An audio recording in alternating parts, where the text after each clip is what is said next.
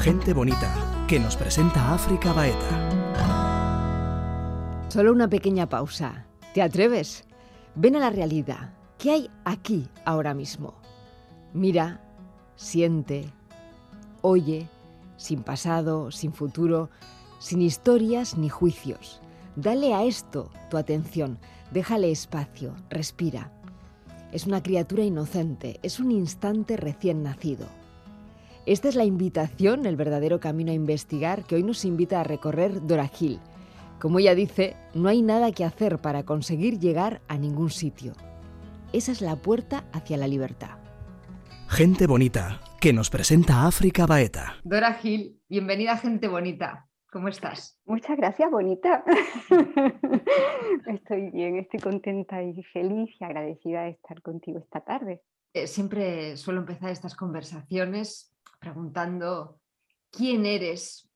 No sé si es mejor decir qué eres o quién eres. Soy una, simple expresión de la vida, como tú y como cada, cada cosa viviente, eh, una aventura viva de esta existencia eh, expresándose, expresando que pues en mi particularidad me gusta explorar. De hecho, bromeando muchos me llaman Dora la exploradora. muchos niños en aquella época en que sus dibujos se hicieron famosos, niños cercanos a mí, Dora la exploradora. Y tenían razón, porque desde pequeñita mi naturaleza es explorar, ir más allá de lo que se da por, cierto de lo que se da, porque así es, ¿no? Eso, eso a mí siempre me ha pesado mucho. Ese mundo tan etiquetado de las cosas como son nunca me ha ofrecido confianza y me pesaba mucho. Así que siempre he sentido el instinto de ir más allá de eso que parece ser cierto y explorar qué hay detrás. Me resulta curioso que, que utilices la palabra exploración en vez de búsqueda. Ah, es cierto sí, sí, porque sí, sí, es verdad. Esa exploración, de hecho, se pudo confundir durante bastantes años con una búsqueda porque era algo que, necesitaba encontrar, pero desde hace ya un tiempo más bien es exploración y disfrute de esa exploración. ¿Qué es lo que exploras? Más o menos me has dado alguna pista, ¿no? Pero tú dices que en un, en un, primer momento había una búsqueda eh, no sé si luego desapareció esa búsqueda porque llegaste a unas, respuestas y empezó la exploración. Eh, ¿Me describirías un poquito ese camino? Solemos partir siempre de una experiencia de sufrimiento y en mi caso era una sensación de, vacío, de densidad, de peso.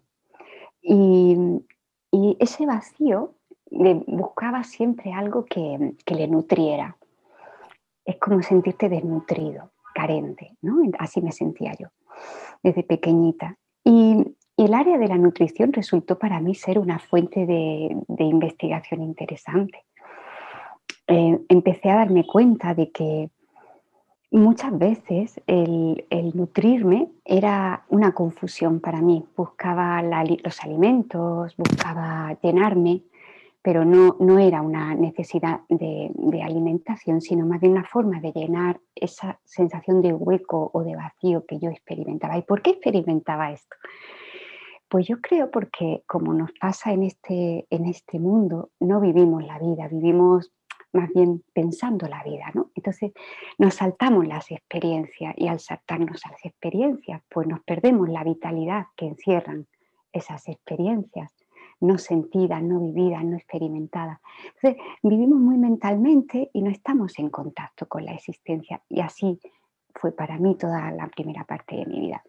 La primera vez que a mis 18 años empecé a tocar y a experimentar la realidad viva de este instante, a respirarla, a sentirla, fue una revelación porque dije, wow, me siento súper nutrida, todo me llena, yo no necesito ahora comer como antes, yo no necesito llenar huecos, porque cada experiencia en sí se me revela como algo tan nutritivo, tan disfrutable, tan, tan hermoso, ¿no? O tan vivo, aunque no fuera hermoso, pero tan vivo, que empecé a sentirme como muy plena, muy nutrida, ¿no? Entonces, eso me dio pie para iniciar una verdadera investigación en mí misma, una exploración sobre cosas que yo había creído necesarias, y, que había asumido como ciertas y que sin embargo no lo eran, por ejemplo, en el mismo plano de la nutrición. me dije, no, se acabó. Yo ya estoy harta de pensar que tengo que comer esto, esto, esto, a tales horas, en tal cantidad. No quiero esto porque, porque me pesa, porque no lo, no lo desea mi vida. Voy a investigar qué quiero de verdad en este plano. Empecé con el plano de la nutrición, ¿no? ¿Qué quiero de verdad? fue como muy radical, ¿no? Dije, mira, no voy a, a, dejar que entre en mi cuerpo nada que yo no lo desee de verdad, independientemente de lo que se supone que es bueno, que es malo, que necesito, que no necesito, que es la hora, que no es la fuera. Y así empezó. Y empecé a darme cuenta que más ahondaba yo en mi mundo interior, más disfrutaba de cada instante, mis necesidades de nutrición se reducían muchísimo, ¿no? no solo de nutrición, sino de muchísimas otras áreas de la vida, relaciones eh, sentimentales, que para mí era lo necesito, lo necesito, eh, tareas, socio, cosas, yo no necesito tanto. Entonces empecé a investigar mucho en el, en el, tema de las supuestas necesidades que el ser humano tiene, pero en mi propia vida, ¿no? Y fue muy bonito y sigue siendo muy bonito darme cuenta cómo se caen tantos paradigmas de lo que necesita un ser humano, cuando en realidad voy descubriendo que mi única necesidad verdadera es estar conectada con lo que soy y que de ahí ya se va derivando todo lo que, lo que yo tengo que vivir o no vivir y eso en sí viviéndolo desde ahí es muy nutritivo y se caen muchas cosas hay algo que te empuja a investigar cosas muy determinadas, ¿no? O sea, hablas de la nutrición como el primer paso en el que te das cuenta, bueno, estoy eh, llevando a cabo como unos patrones conductuales impuestos, no me sientan bien, me salgo de ahí. Pero eh, hay una llamada interna, hay algo dentro que te dice, investiga por aquí, investiga por allá. ¿Esto lo has sentido?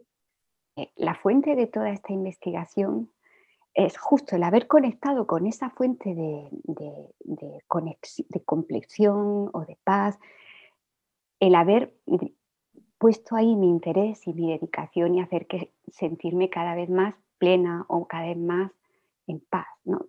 desde ahí empieza a, abrirse áreas que antes estaban al servicio de un pequeño yo buscador de satisfacción, buscador de realización, buscador de bienestar. esas áreas que estaban al servicio de ese pequeño yo buscador, ahora siguen estando ahí, pero ahora toman como tienen un ofrecimiento, bueno, ¿y ahora esto qué? ¿Y ahora esto para qué sirve? Y ahora, ¿no? Entonces ya no es una necesidad, porque si no me muero, ahora es, vamos a ver, en este área de las relaciones, por ejemplo, ¿no?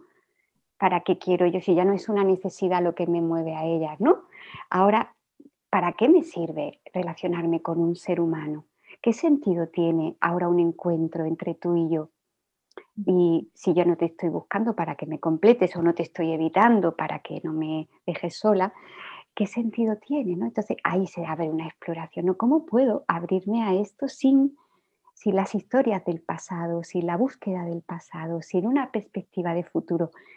Aquí. Y eso es exploración para mí, ¿no? Es como una investigación. Y, para mí ese es el concepto más, más puro de amor, que luego entramos en él, eh, el amor en el que no hay necesidad, no hay exigencia y no hay un ego que busca saciar ese vacío. antes decía ¿no? que, cuando tú has ido investigando había como, como, un guía interno que te va diciendo, investiga aquí, ¿no? una intuición que te, que te, que te va abriendo esos caminos para investigar y va soltando cosas. Eh, pero hay una llamada muy profunda dentro de una misma eh, que que nos lleva a buscar la libertad, o sea, a conectar realmente con lo que somos. Quiero decir, la conciencia que somos eh, tiende de forma natural a expandirse.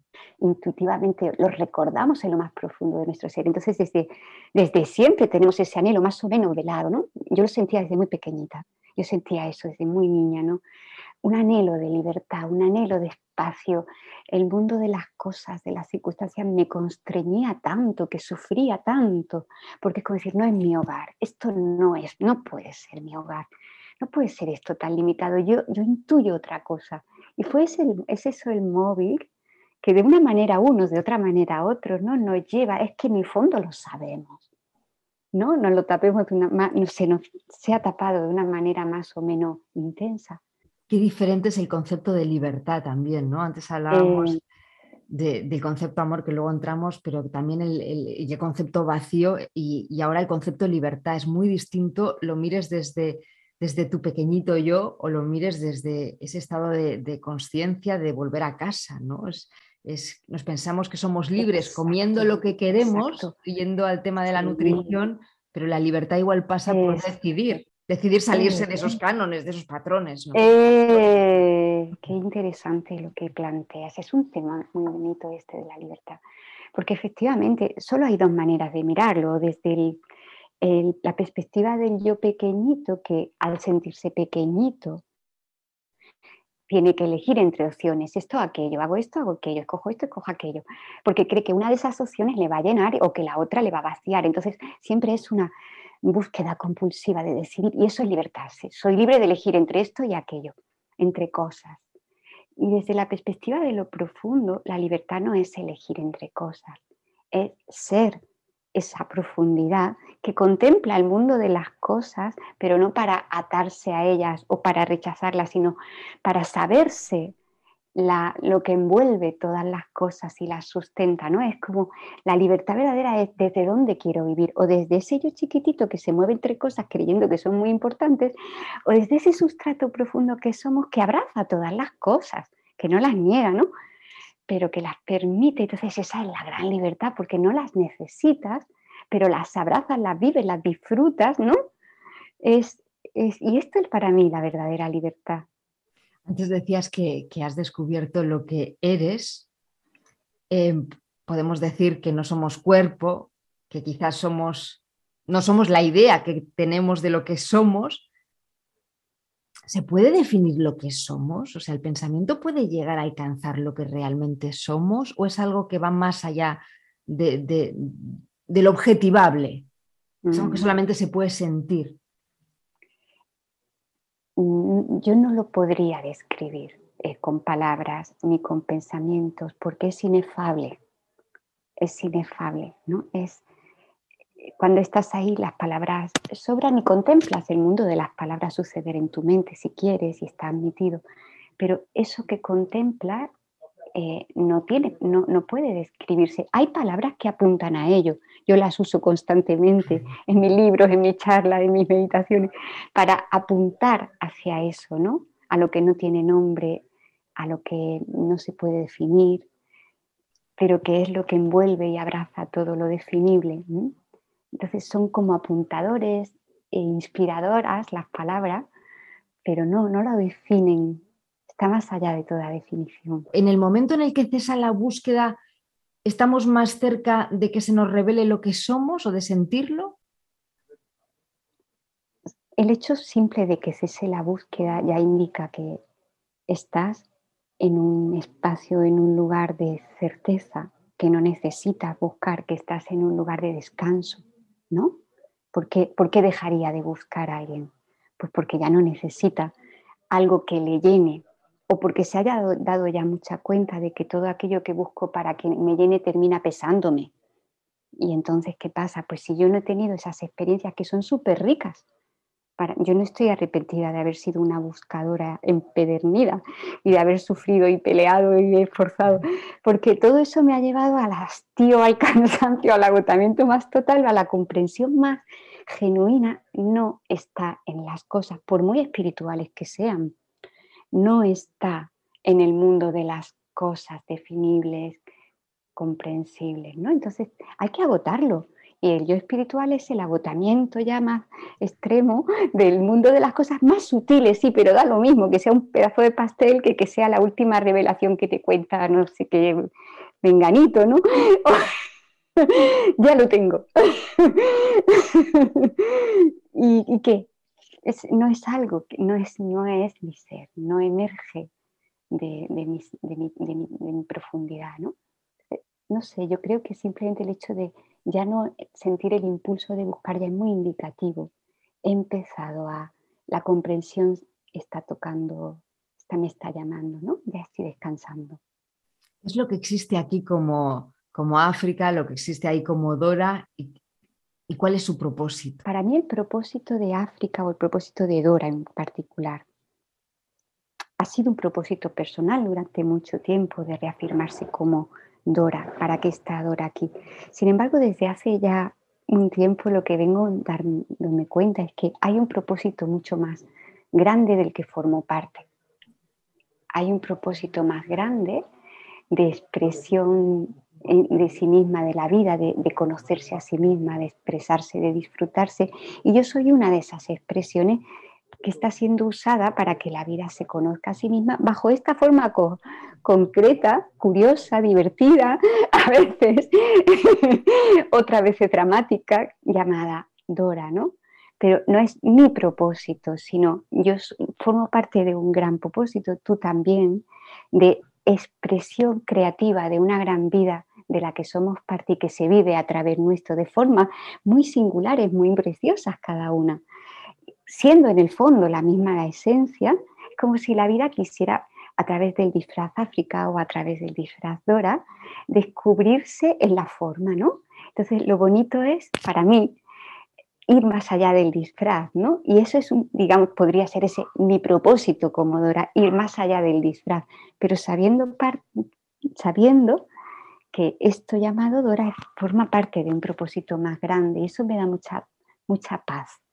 Porque esa historia de buscar el propósito, cuál es mi propósito, como un propósito personal, ¿no? Y yo, bueno, no, formas parte de alguien que ha querido que tú expresarse a través de ti, eres perfectamente amada por eso, eh, nada de, lo que hay en ti es desechable, ya que la, gran vida ha querido expresarse exactamente como se está expresando y eso ya es enorme saberlo, ¿no?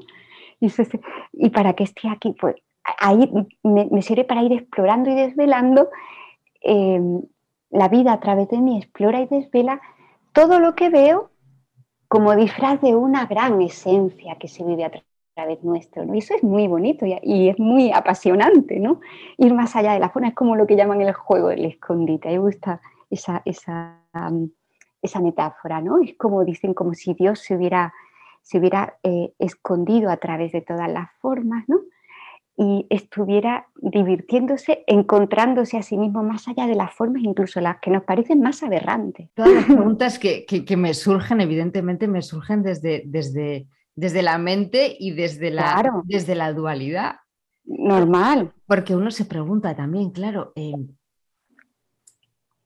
si la vida es un camino de exploración para darte cuenta de que todos somos lo mismo y somos la expresión del universo a través de seres humanos, eh, ¿por qué no se nos da ya directamente ese don de reconocernos los unos en, los otros? ¿Por qué eh, nacemos con, con, esa ceguera, ¿no? con, esa, con esa sensación de individualidad, de separación, esa, esa herida, porque tenemos una herida básica, profunda, de, de sentirnos separados del todo y la arrastramos hasta que pasa algo y o despertamos o nos morimos sin despertar.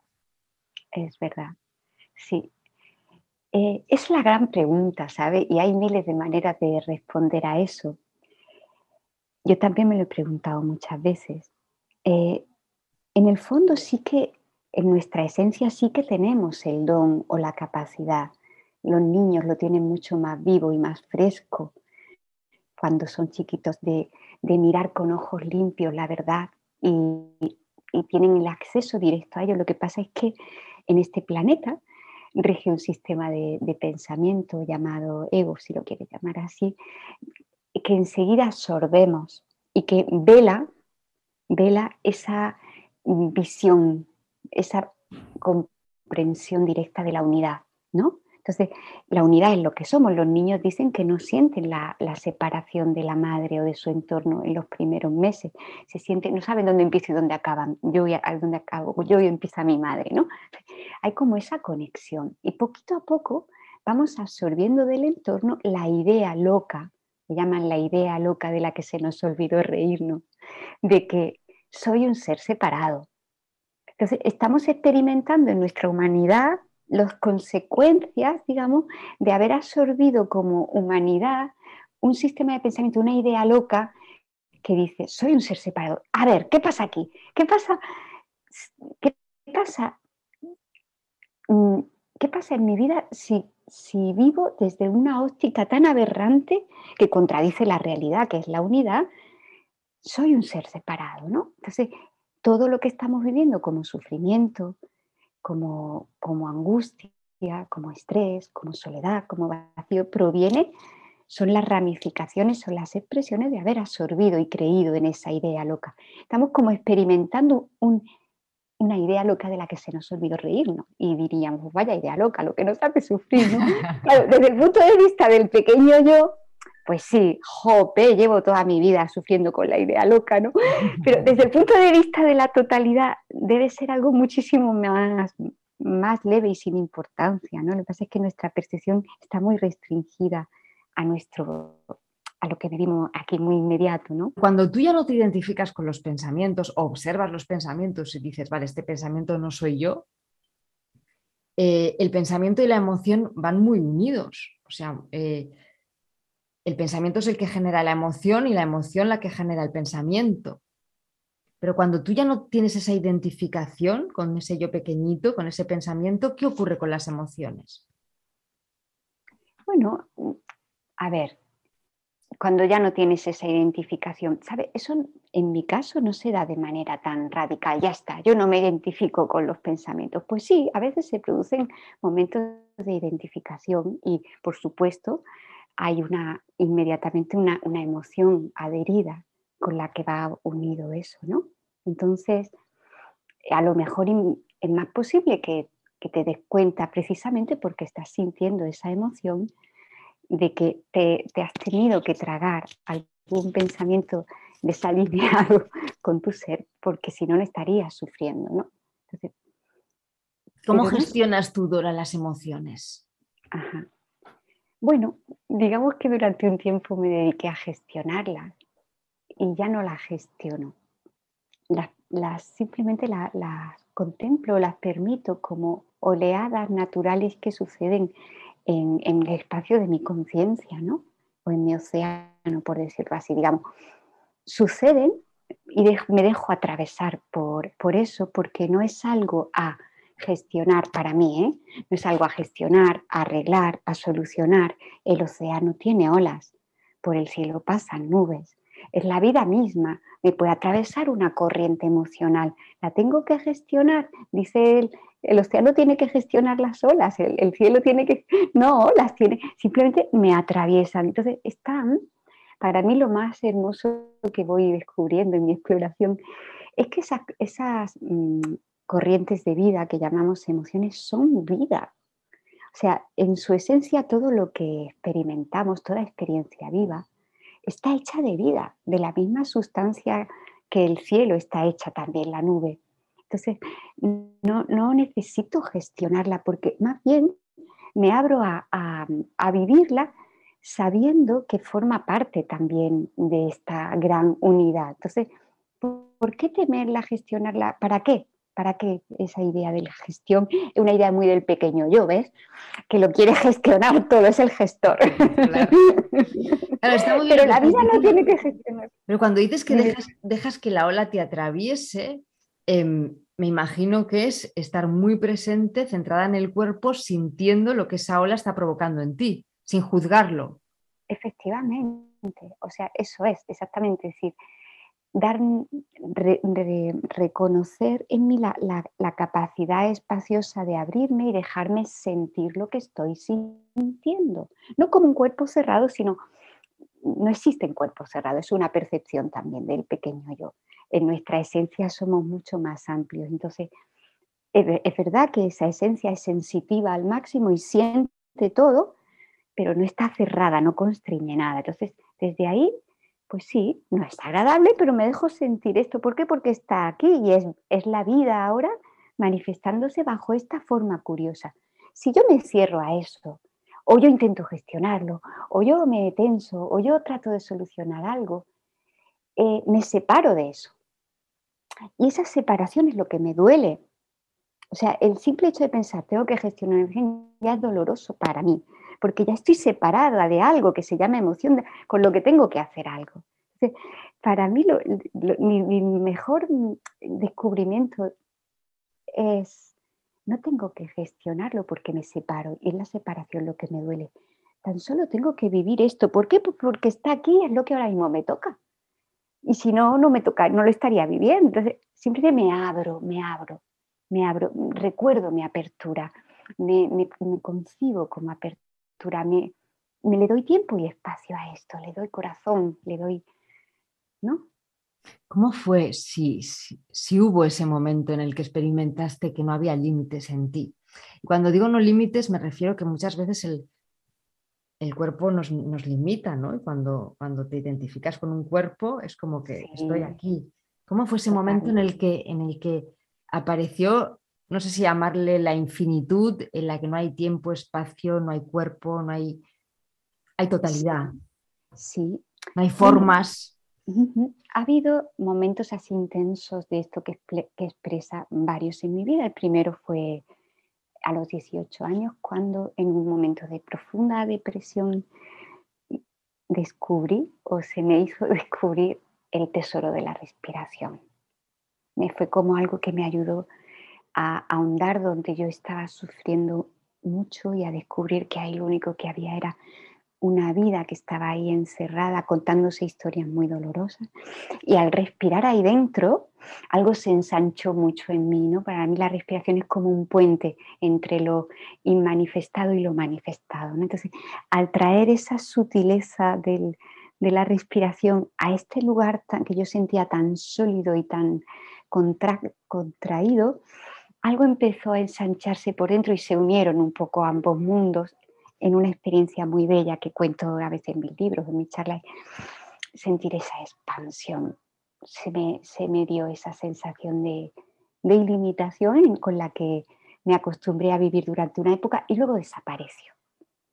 Hasta que otras experiencias vinieron de otras maneras a revelarme y a, volverme a, a, a dar incluso esas experiencias no iguales, pero con otros matices más de la sensación, por ejemplo, de que mi cuerpo no es una cosa sólida, ¿no? sino de que mi cuerpo es algo espacioso, conectado con todo lo que el espacio que me envuelve.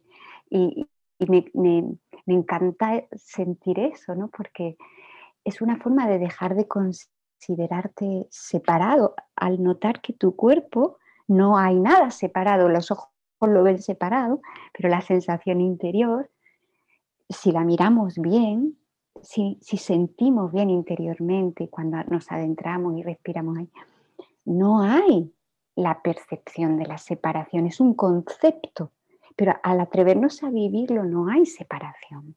Dora, ¿y cómo, cómo soltar todo lo que creemos que somos?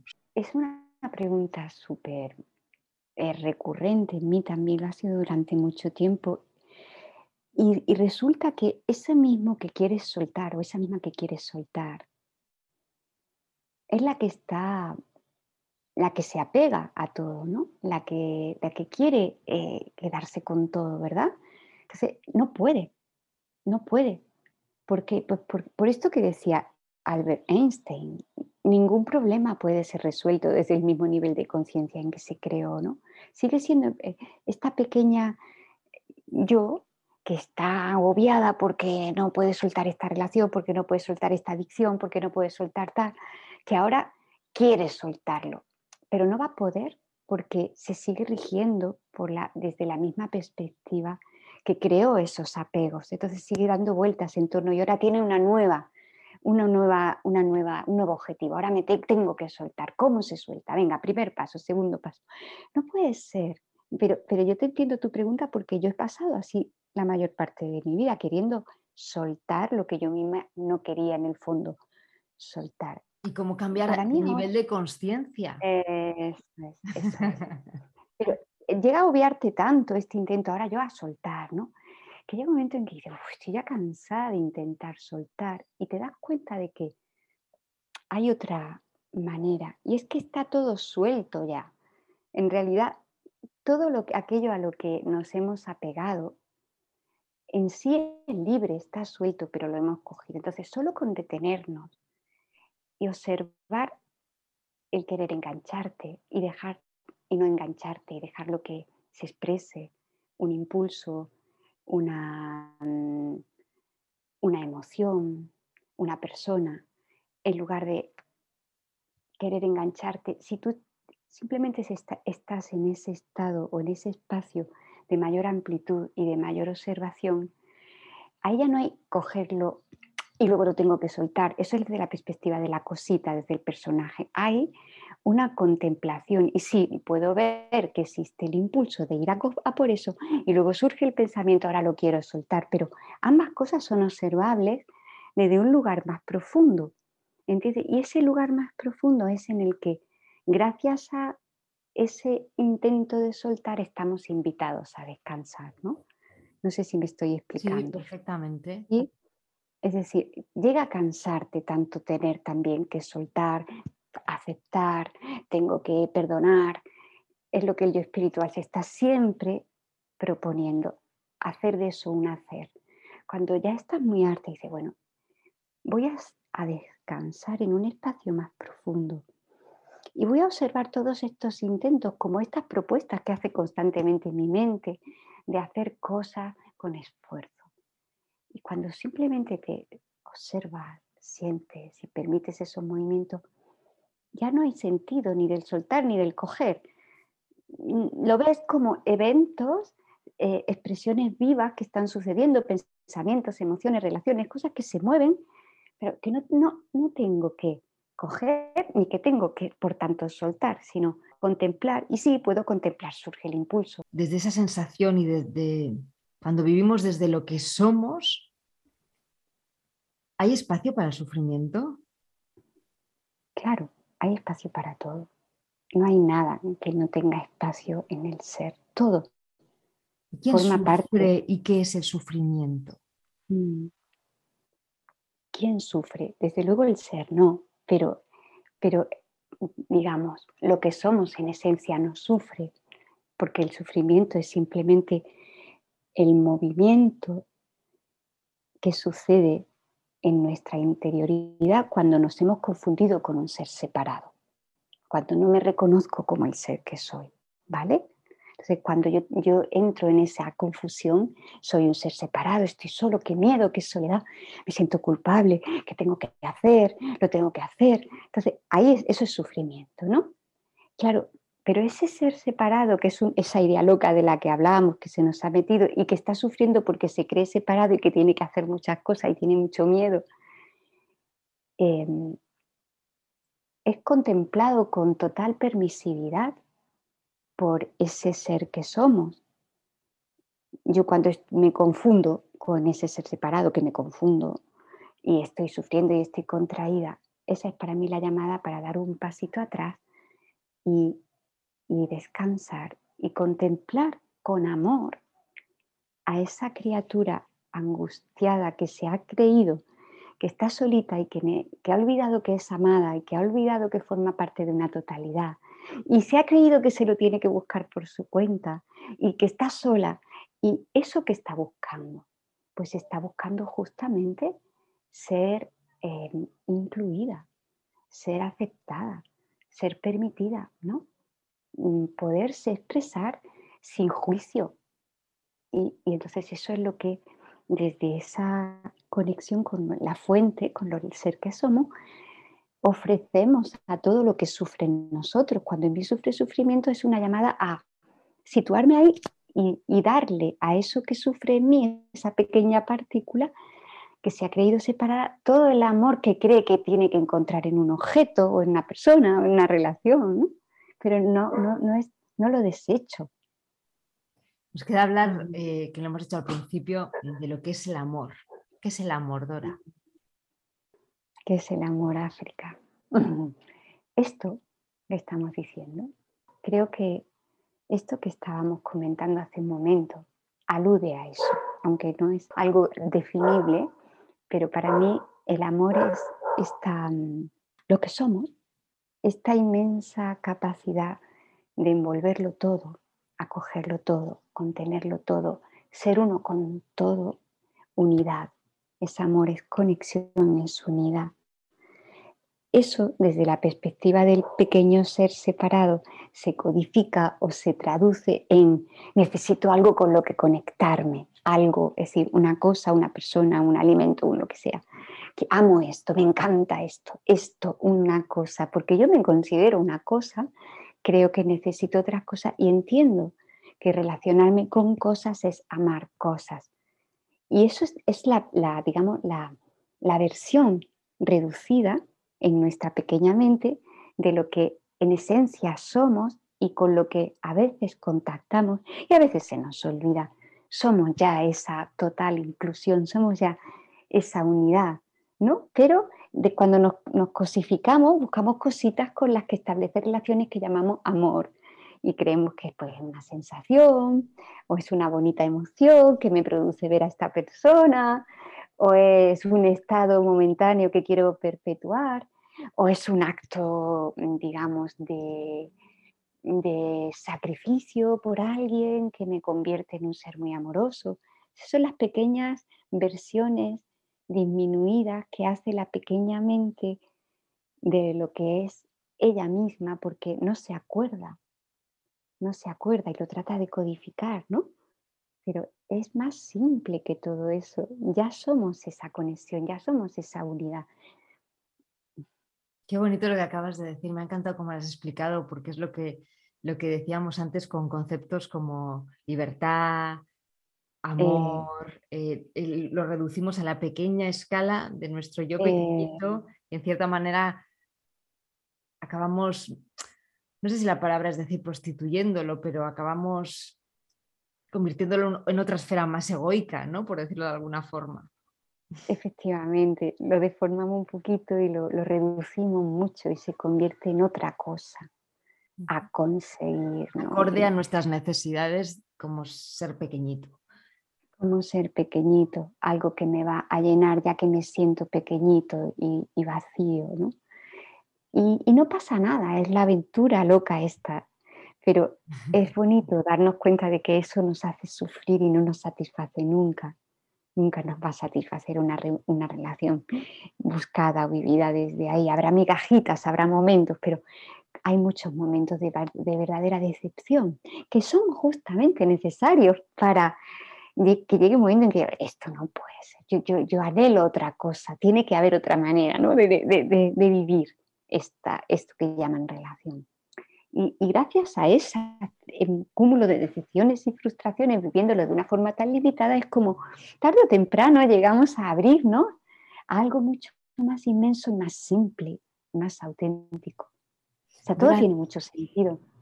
¿La, ¿La exploración es hasta el final de nuestros días en la Tierra? Ay, pues yo no lo sé, pero yo estoy en eso en este día. no lo sé, yo supongo que, si, la si la vida quiere explorarse a sí misma y conocerse a sí misma a través de esto llamado forma, y ha tomado tantísimas formas, pues estará haciéndolo hasta que ella crea conveniente dejar de, hacerlo y se invente otra aventura. Mientras tanto estamos aquí a su, a su servicio, ¿no? Como instrumentos a través de los cuales ella se conoce, pero es muy divertido. No siempre, no siempre divertido, pero sí, sí apasionante, vital, nos llena de vida el saber que, que cada experiencia lleva consigo mucha vitalidad y mucha, mucha riqueza. Dora, ¿cómo terminamos esta conversación? Eh, la vida a veces se nos hace monótona, aburrida o pesada, porque la vivimos desde una perspectiva de justo no exploración. A los niños jamás se les hace la vida así, porque todo es un objeto, una oportunidad de explorar, de abrir el corazón, de descubrir. surge en mí esa invitación a no dar nada, por supuesto, ¿no?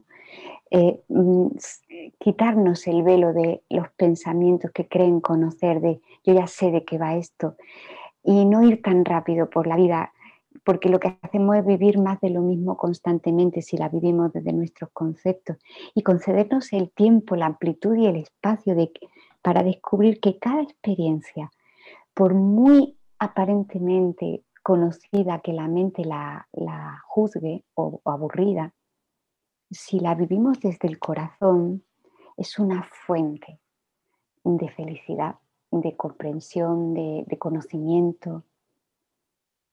Eso, eso es. Muchas gracias, Dora. Me ha encantado. Muchas gracias, Arteca. A mí también. Y a mí de ti y de, todo lo que ha surgido, gracias a que estamos las dos aquí.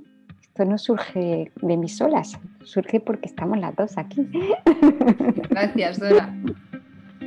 Suelto.